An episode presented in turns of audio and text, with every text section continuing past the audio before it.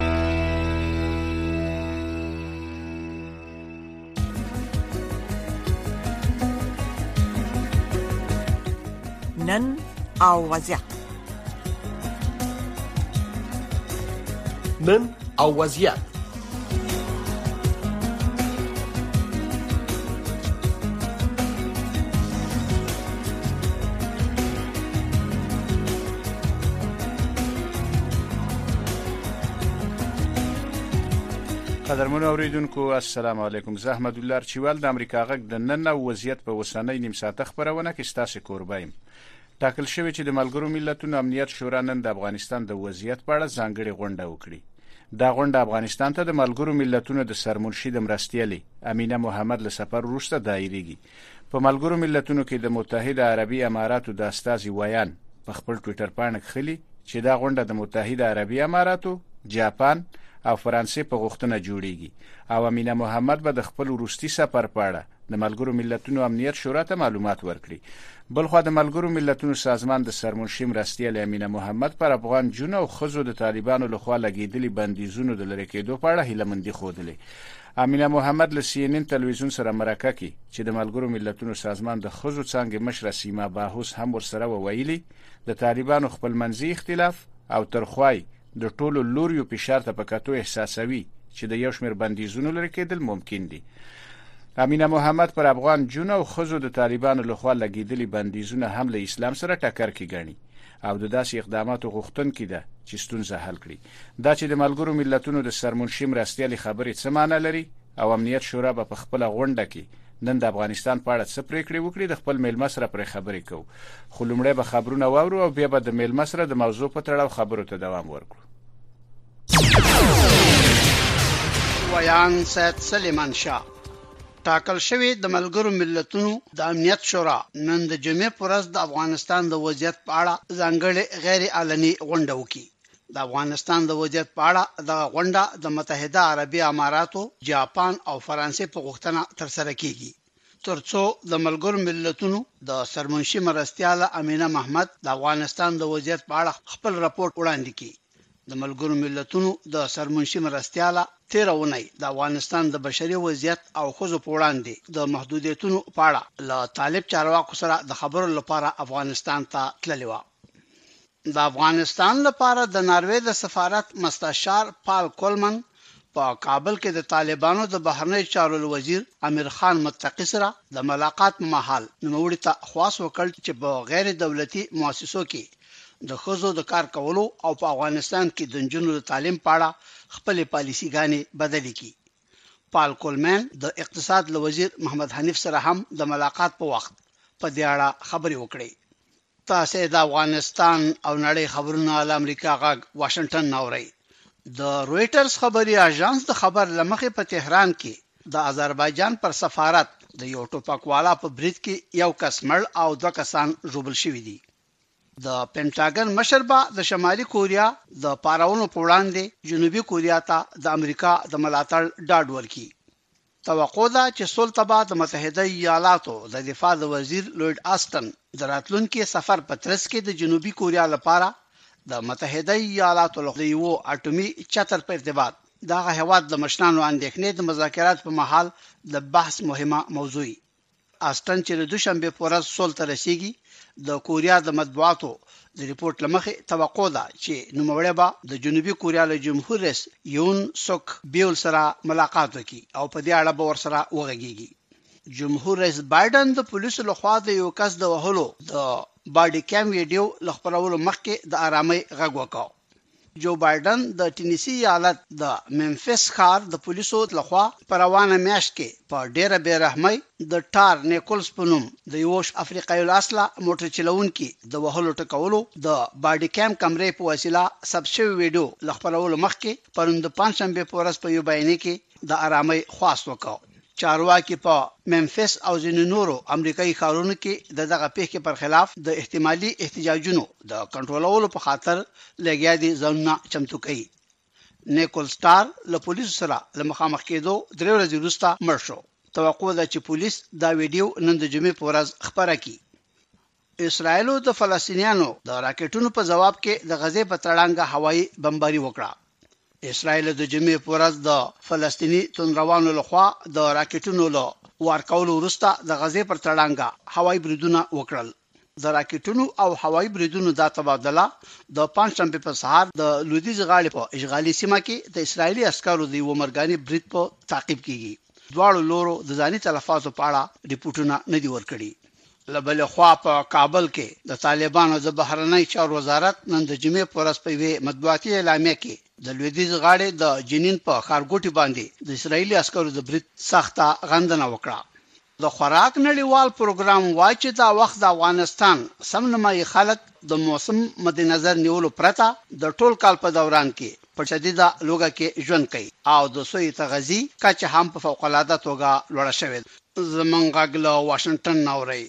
سوماليې د داعش د مشر د وژلو هرکلی وکړ.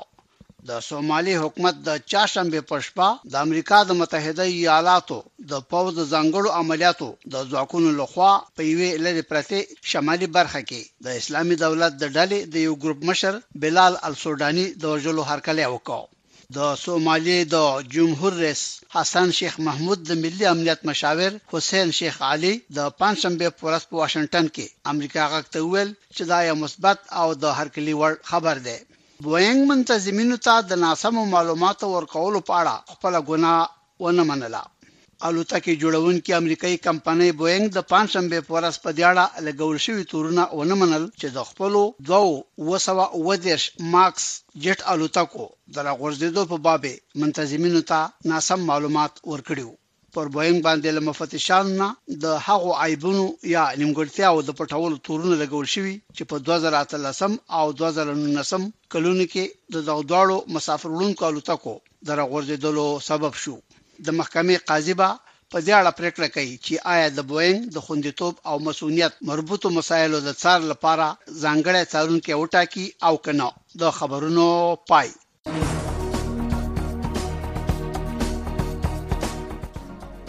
نن او وضعیت نن او وضعیت د نړۍ سیمې او افغانستان پر روانو چارو او د نن په وضعیت خبرونه راپورټونه مرکه او تحلیلونه هر شپه په 9 بجې د امریکا غږ آشنا رادیو نه واوري بیا هم ستړي مه شئ قدرمنو اوریدونکو، ټاکل شوې چې د ملګرو ملتونو امنیت شورا نن د افغانستان د وضعیت په اړه ځانګړې غونډه وکړي. د ملګرو ملتونو سازمان د سرمنشي مرستیال امینه محمد هیله منده ده چې پر افغان نجونو او ښځو د طالبانو لخوا لګیدلي بندیزونه به یو څه لرې شي. دا چې د ملګرو ملتونو د سرمنشي مرستیال خبره خبره څه معنی لري او امنیت شورا به په خپله غونډه کې نن د افغانستان په اړه څه پریکړې وکړي د چارو د کارپوه خان زمان امرخیل صاحب سره څیړو. امر خیل صاحب خپرونې ته په خیر راغلی. ډیره مننه قدرمن ورچوال صاحب کور مو ودان. امرخیل صاحب د ملګرو ملتونو د سرمنشي مرستیالې امینه محمد دا خبره چې د طالبانو لخوا خای پر خزو لګول شوي بندیزونه یو څه لري شي څومره ممکن ده؟ دلوی بخون کې خدای په سپیڅلي نامه لومړی سلامونه تاسو ته او تاسو قدرمن کارکونکو ته هم دارنګه ده د آشنا رادیو قدرمنو اوریدونکو ته مهرباني وړاندې کوم ورسته د تاسو د سوال په جواب کې باید وایم چې د دې هیڅ شک نشته چې یا نن یا سبا دغه بندیزونه په شکل نه یو شکل دا بندیزونه به راکم شي کو دغمره لوی توقع چې موږ ترې باید وکړو زه فکر نه کوم چې په لاند وخت کې دغه بندیزونه زر لري شي خو بیا هم اوسنۍ حکومت د طالبانو سری نظام دوی مجبور مکلف دي چې اوس بندیزونه تر څو لري کی تر څو نړیوال سره د تعامل لار دوی ته پرانیستل شي نو دې کې شک نشته دی چې دا ځینې غوښتنې په تیرو څو ورځو کې یا په میاشت نیمه کې نړیوالو د فیلی حکومت څخه کړې دي نو په دې کې ځینې داسې دي چې دوی مجبور دي چې په هغه برخه کې یو تجدید نظر وکړي او د ځینې اصول او قوانینو او شرایطو تر سوري لاندې ځینې فعالیتونو ته خزینه او اجازه ورکړي چې په هغه برخه کې کار وکړي نو د دې نه هیڅ بل چاره نشته ده نو دوی مجبور دي چې په هغه برخه کې خپل همکاري ترسره کړي ښه مننه مرخیل صاحب لکه څنګه چې تاسو ویل چې امکان لري چې ځنی د خزو په تړاو زنو فعالیتونو ته اجازه ورکړل شي ستاسو له نظر دغه کم فعالیتونه دي چې طالبان ورته اجازه ورکړي او کوم ته به اجازه ورنکړي ګورې موږ تاسو ګورو چې په دوامدار شکل باندې په افغانستان کې د ملګرو ملتونو سرمنشي همدغه چې ملګرو ملتونو نړیوالو د پوار وار او اکثره نړیوالو موسساتو هم د غوښتنه کړې ده چې په ځینې برخو کې باید خصوصي اجازه ورکړي چې نړیوالو موسسات سره دوی کار وکړي تر څو پورې ځینې عاجل ضرورتونه چې لومړني ضرورتونه د ولسونو دي هغه ضرورتونه د خلکو حل کړل شي او دوی دغه ضرورت ښودلی دی چې باید خزینه هم همکاران دوی سره په په سیستم کې ووسی تر څو په دیو کول شي په اسانۍ باندې ولسونو ته غوړي توکي یا لومړنۍ مرستې چې دي هغه ورته ورسي نو زه فکر کوم چې په ځینې موساد سره دوی یو توافق ته ورسیږي او ځینې خاص شرایط به پرې کیږي او دغه شرایط لمخې به دوی د بهرني موساد سره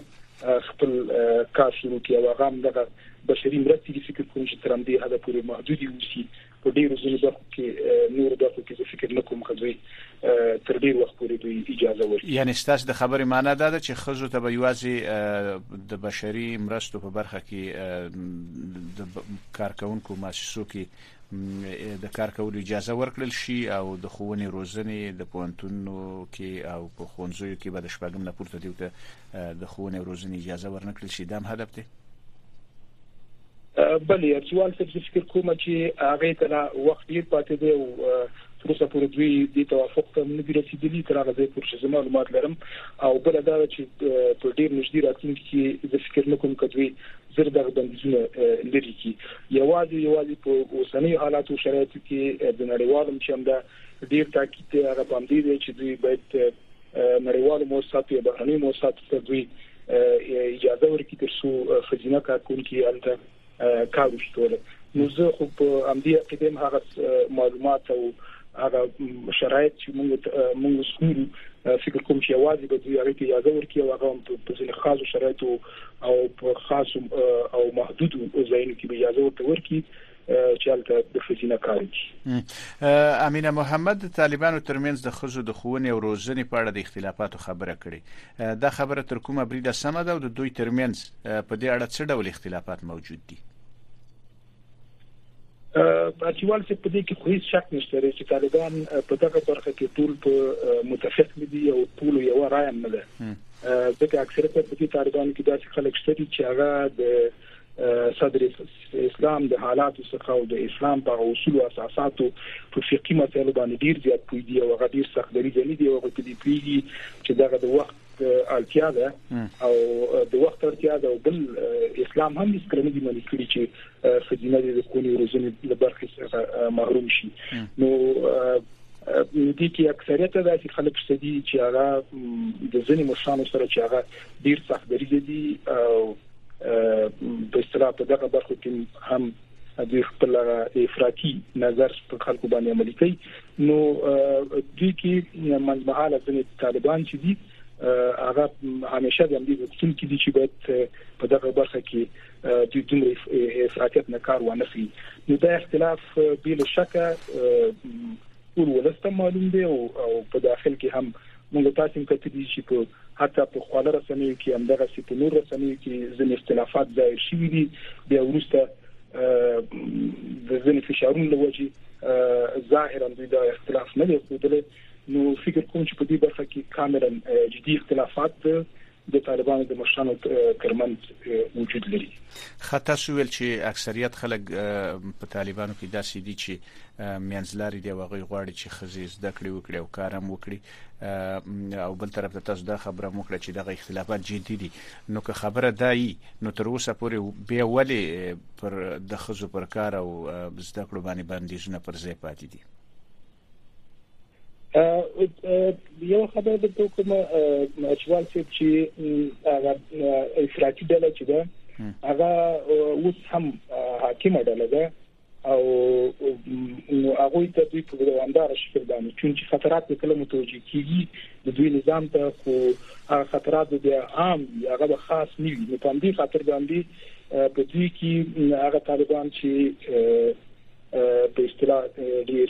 افراطي دي هغه د ځینې مشرانو سره په دوامدار شکل باندې هغه ته د دې خبرې قناعت ورکړي چې دغه مسائل حل کړي او د اجازه ورکړي چې یعنی فضیلو ته اجازه ورکړي چې هغه د خونې او روزنې او په نور برخو کې خپل کار وکړي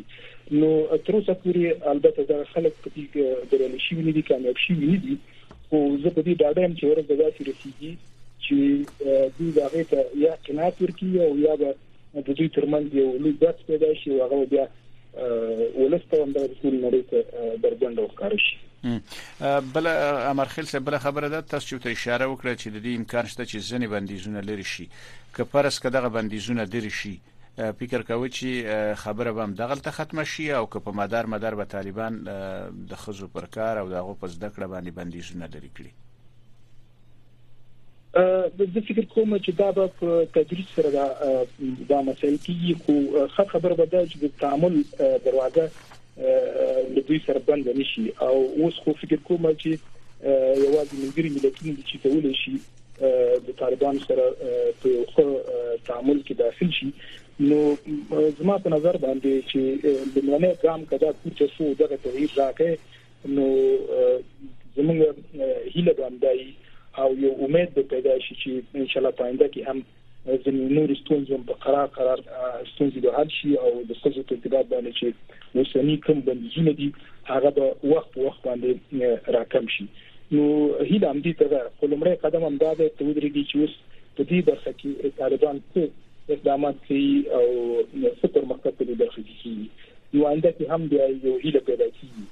نو ان شاء الله چې یو څه مثبت تغیرات به راشي ښه که بندیزونه لري نشي دا به د طالبانو لپاره څه پایلې ولري که بندیزونه لري نشي موږ تاسو ګورو چې ټول دنیا په یو طرف ده ځکه په نړۍ کې یو هیواد داسې نشته چې هغه د په ښکاره ډول باندې د طالبانو پلوي او د دې طرفدار وشي نو دا امکان نه لري چې ټول نړۍ یو طرف ته وشي او یو کوچنی هیواد چې ټول شپږ لکه او 50 زره کیلومتر مربع مساحت لري او هغه د ټول نړۍ سره او د لوی سیلاب سره مقابله وشي کولای نو یو ورځ د خدای نه کړه دا چې راشي چې لکه څنګه موږ تاسو په خوا کې کتري دي اکثریت ځینې افراطي نظامونه چې هغوی نورې نړۍ ته غوږ نه ښود یا حد اقل په داخل کې د ولسونو غږ ته غوږ نه ښود او احترام نه درلود موږ تاسو ته په تیرو سلوستو کلونو کې هغه ټول نظامونه لمنځه لاړل او ورسته پالي بیا ډیر لبد مرغه چې ډیر د ډیرو بدبختیو سره ټول افغانان د یو مخ کړل نو زه فکر کوم موږ تاسو ته تیر وخت موږ ته چې په افغانستان کې حالات او شرایط خراب شو نړۍ سره موږ خراب شي بیا بیرته د هغه نظامونو حکومتونو حتی موږ چې په خپل د طالبانو سره حالت شو کنه نظام ټول خراب شو حتی د طالبان بنديان تر ګوندانو کې ورسېدل تر بغرام پورې لاړې په هیڅ وخت کې په ځای نو نو دا ستونزې د اټکي هیڅ شک نشته چې یو ورځ به نړۍ ته څنګه شي او اوس موږ تاسو ګورو چې تقریبا ټول نړۍ سره په یو ځل په ځینې مسایلو کې البته او هغه په طالبانو باندې په دوامدار شکل باندې فشار راوړي د فشار یو وسیله خنداره تر څه پورې چې دوی هغه چاته دوی سوی هغه هم په رسمیت دي دي پیژندل نو دوی د ډېر نورو په دقیق سره مخ شي ښه امرخیل صاحب نن د افغانستان په تړاو د ملګرو ملتونو د امنیت شورا یو غونډه ده تاسو له دې غونډې څه تمه لرئ څه فکر کوئ کومې پریکړې به په غونډه کې وشي نو قرار دا ورېدو چې تقریبا دا وختونه تقریبا د درې ملکونو چې فرانسه او متحده عرب اماراتو نو دغه د درې هیوادونو چې دوی وختونه کړی دی چې په دې برخه کې د یو یو جلسه وشي او په دې برخه کې به نن دوی خبرې کوي. په دې کې هیڅ شک نشته دی چې د طالبانو سره د نړیوالو تعامل په ځای د دې چې مثبت طرف ته تللی وي تر اوسه پورې داسې کوم مثبت کارونه نه دي شوي چې هغه د نړیوالو سره یو ښه لور ته سوق شي وشي او نړیوال د دې یو څه زیری ولري او بیا ورځ په بلې حالات په افغانستان کې خصوصا د ښځو د تعلیم په برخه کې دلته منفي تغییر راغلی دی یعنی مثبت تغییر نه دی راغلی په دې خاطر نړیوال هم په دې تشویش کې دي چې دلته به د بشري وضعیت ورستر بلی خرابېدون کې د دې برخه کې به دوی اقدامات کوي خو دلته بیا دوه مسایل دي کچيري ځینې مسایل چې د ملګرو ملتونو مرستيالي وروسته له خبرو نه د ویندي ځان سره وروسته د ځینې طالبان طالب چارواکو سره خبرې کړې دي او بیا په نشوي ده که د دوی نظر مثبت وي نو په دې کې شک نشته لري چې د امنیت شورا دغه جلسه به هم په شکل نو شکل یو مثبت دوره پیدا کی او د دوی موقف په ډیر سخت نیوی د فیلی حکومت افغانستان په اړه باندې کچيري د نظر منفي وړي وسی نو څه فکر کوم چې نړیوالو نظر به هم په دغه برخه کې سخت وسی او عواقب به ما په نظر باندې د افغانستان لپاره ښه نه اوسي. ښه امرخیل صاحب په خپله که راشو ملګرو ملتونو ته د ملګرو ملتونو یو شمېر لوړپوړو چارواکو په تېره څه موده کې افغانستان ته سفرونه درلودل او هلته د طالبانو د چارواکو سره هم کتلي خو تر اوسه پورې کومه پایله نه ده ورکړې پوښتنه دا ده چې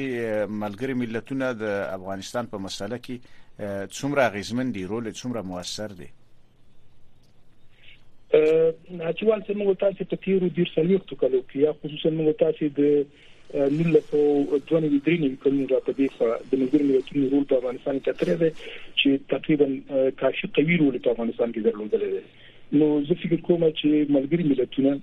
په افغانستان کې ډیر خر رول لوبول شي کله چې د ډاکټر نجیب حکومت ختم شو په 1992 کال کې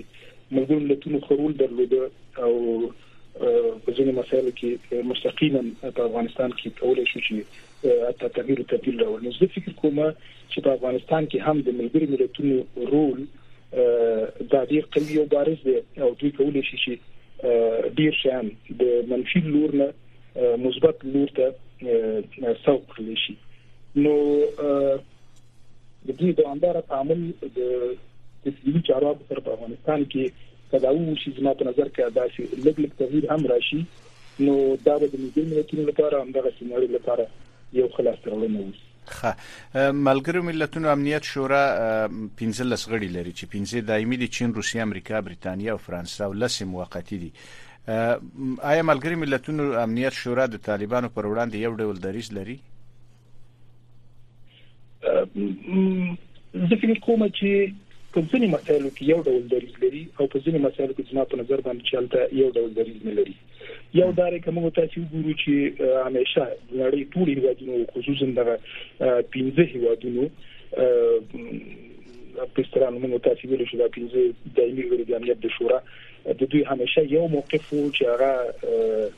په افغانستان کې د یو پراخ بنسټ حکومت جوړول یا هم شمول چې ورته ویل کیږي هم شمول حکومت جوړول چې دا د هر یو کوم تاسو د روسي هم دا غوښتنه ده د فرانسې هم دا غوښتنه ده د ملګرو ملتونو د متحده ایالاتو هم دا غوښتنه ده هم دا د چین هم دا غوښتنه ده نو فکر کوم په ځینې مسایلو کې د د امنیت شورا غوښتنې او د دوی موقف او رائے تقریبا سره یو ده چې د چې د نور مسایلو کې هغه مختلف وسی لکه د روسي دغه د روسي تعلقات روابط د افغانستان سره یا فرض مثال د چین تعلقات روابط وګورو هغه د افغانستان سره او بیا د امریکای په مقابل کې هغه سره پرتله کوو بیا یو څه فرق لري نو زه فکر کوم چې د ریجنال په ځینو مسایلو کې سره واحد دي او په ځینو مسایلو کې هغه متفرق دي او لکه څنګه چې تاسو ته اشاره وکړه د ملګرو ملتونو امنیت شورا کې چین او روسیې په خوا په ځینې مواردو کې د طالبانو پر وړاندې د دې شورا د ځینې پریکړو مخالفت کړی دی او ځینې وخت کې مخالفه رائے ورکړي ځینې وخت کې ممتنع آیا اوس هم فکر کوئ دا نن چې کومه غونډه کیږي په دې کې به دوی مخالف رای ورکړي یعنی د یو بل پر خلاف به دریځ ونیسي او که فکر کوي چې ملګری ملتونو امنیت شورا به وتوانیږي چې یو ګډ دریځ ونیسي د طالبانو پر وړاندې باندې اچوال څه دغه یو موضوع چې ډیره ګرمه موضوع ده چې هغه د خزو په ارتباط د تعلیم او تحصیل په ارتباط باندې ده په دې اړه باندې د څه کومه کې نړۍ هیڅ یوال او بیا د پنځه هیوادونو چې دي نو د امنیت شورا د دایمي غړي چې دي دوی د متفارق شي یا په دې برخه کې د اختلاف نیږي په دې کې دا پنځه وړه هیوادونه دا په یو نظر باندې دوی او بیا هم زموږ بیا خپل خبره تکراروم چې په ځینو مسایلو کې بیا هم د دوی یو څه اختلافات وشي نو دریځ او په دې مسله کې فکر کوم چې ټول جدي موضوع چې نن سبا ده هغه هم دغه موضوع ده په افغانستان کې چې د خزو تعلیم دی او هم دغه چې د خزو د کار کولو مسایل دي د خزو د کار کولو مسایل دي نو دغه مسایل کې چې فکر کوم دی یو واحد دریځ نیسي او دا به اعلان ښه په افغانستان کې دا مهال بشري ناورين دی او بل خوا هوا هم سړه ده ډېره زياته سخت موسم دی اوس که د ملګرو ملتونو او د طالبانو په ترمنځ جنجال هم دغه رقم دوام وکړي دا به د افغانستان پر بشري ناورين باندې څه اغیزه وکړي نو د کې خو هیڅ شک نشته چې موږ تاسو یو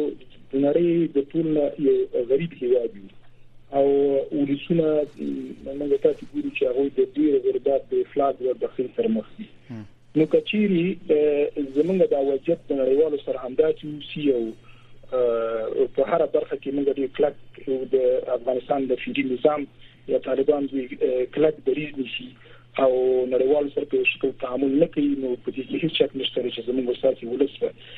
د ډیرو ناخوالو د ډیرو ستونزو سره مخ شي چې حتی موږ تاسو مثال په تیر وخت کې ونه لرو نو زما په اند باندې چې څومره کې دي شي باید طالبان حکومت هغه د نړیوالو سره خصوصا ملګرو ملتونو سره په ګډه باندې په ځینې مسایلو باندې توافق ته سره ورسیږي او ځینې کارونه د ولس په خاطر باندې هغه اسانه کی او ترڅو ولسونه د دغه بحران څخه د بحران څخه خلاص شي او د په وخت او زمان سره مرستې ورشي مننه امرخیل صاحب امرخیل صاحب تاسو په مالی وزارت کې د کار کولو مخینه لرئ دا محل چې د طالبان د حکومت لګښتونه هم راکم شوي پوزي لګښت د پخوانی حکومت په پرتله کم دي څومره امکان لري چې د داخلي عوایدو پر مټ طالبان وکړی شي چې لږ تر لږه دغه بشري ناورین تر یوې اندازې را کنټرول کړی شي دې کې شک نشته دی چې اوسنۍ وضعیت چې د پخواني وضعیت نه ډیر په سراغ شي چې نوې وخت جنگي حالات مو او د فساد کچم خپل تر حد پورې رسیدلی و اوسنۍ وضعیت یې نسبت د هغې وخت نه توپیر کوي اوس دوی په عوایدو باندې ډېر ټینګار کوي په د عوایدو مسایل چې دوی دي نن فکر کوم چې د لغوي د نړیوال بانک هم یو اعلان وکړ چې په 2022 کال کې د افغانستان مالی او اقتصادي وضعیت نسبت د نورو کلونو نه خو خیر یې کړی دی نو دا په دې معنی باندې ده چې په دغه برخه کې د عوایدو په لور په برخه کې دوی نسبتاً ښه روان دي خو زه فکر نه کوم چې دا موږ تاسو د دومره عواید ولرو داخلي عواید زموږ تاسو دومره اوسې چې هغه دی په باغې دی وشو کولای موږ تاسو د افغانستان د غستونځي حل کو د بشري نورین زموږ تاسو حل چې موږ تاسو ګورو چې موږ تاسو د قوي زراعتي هیواد یو او موږ تاسو د صنعتي هیواد موږ تاسو اوس ګورو ځینې صنعتي هیوادونه ځینې زراعتي هیوادونه چې هغوی د دومره ستونزو سره لاس او ګریوان دي چې نشي کولای چې هغوی خپل اقتصادي ستونزې حل کړي نو موږ تاسو خو یو غریب او مسکین هیواد یو د نړیوالو سره زموږ په هره برخه کې تعامل لمنځه لاړ شي نو په دې تاسو دا اړه اوسئ د غوښنې وضعیت یې موږ تاسو دا د آثارو د غوښنې حالت په تل شي دا نه یوازې د افغانستان په عادت باندې نه ده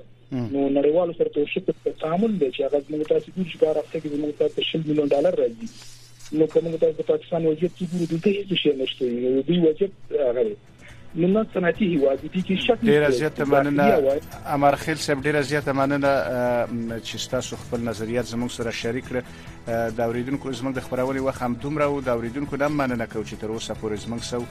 خو وختونه ولري زموږ بل خبرونه د دری او د پښتو ګډه نیم ساعته خبرونه صداي شما یا ستاسو غږ خبرونه د موږ ټلیفون نه وکي زنګونه وهي خپل نظریات د سترګو لیدلې حال او خپل مسایل او ستونزې زموږ سره شریک کړئ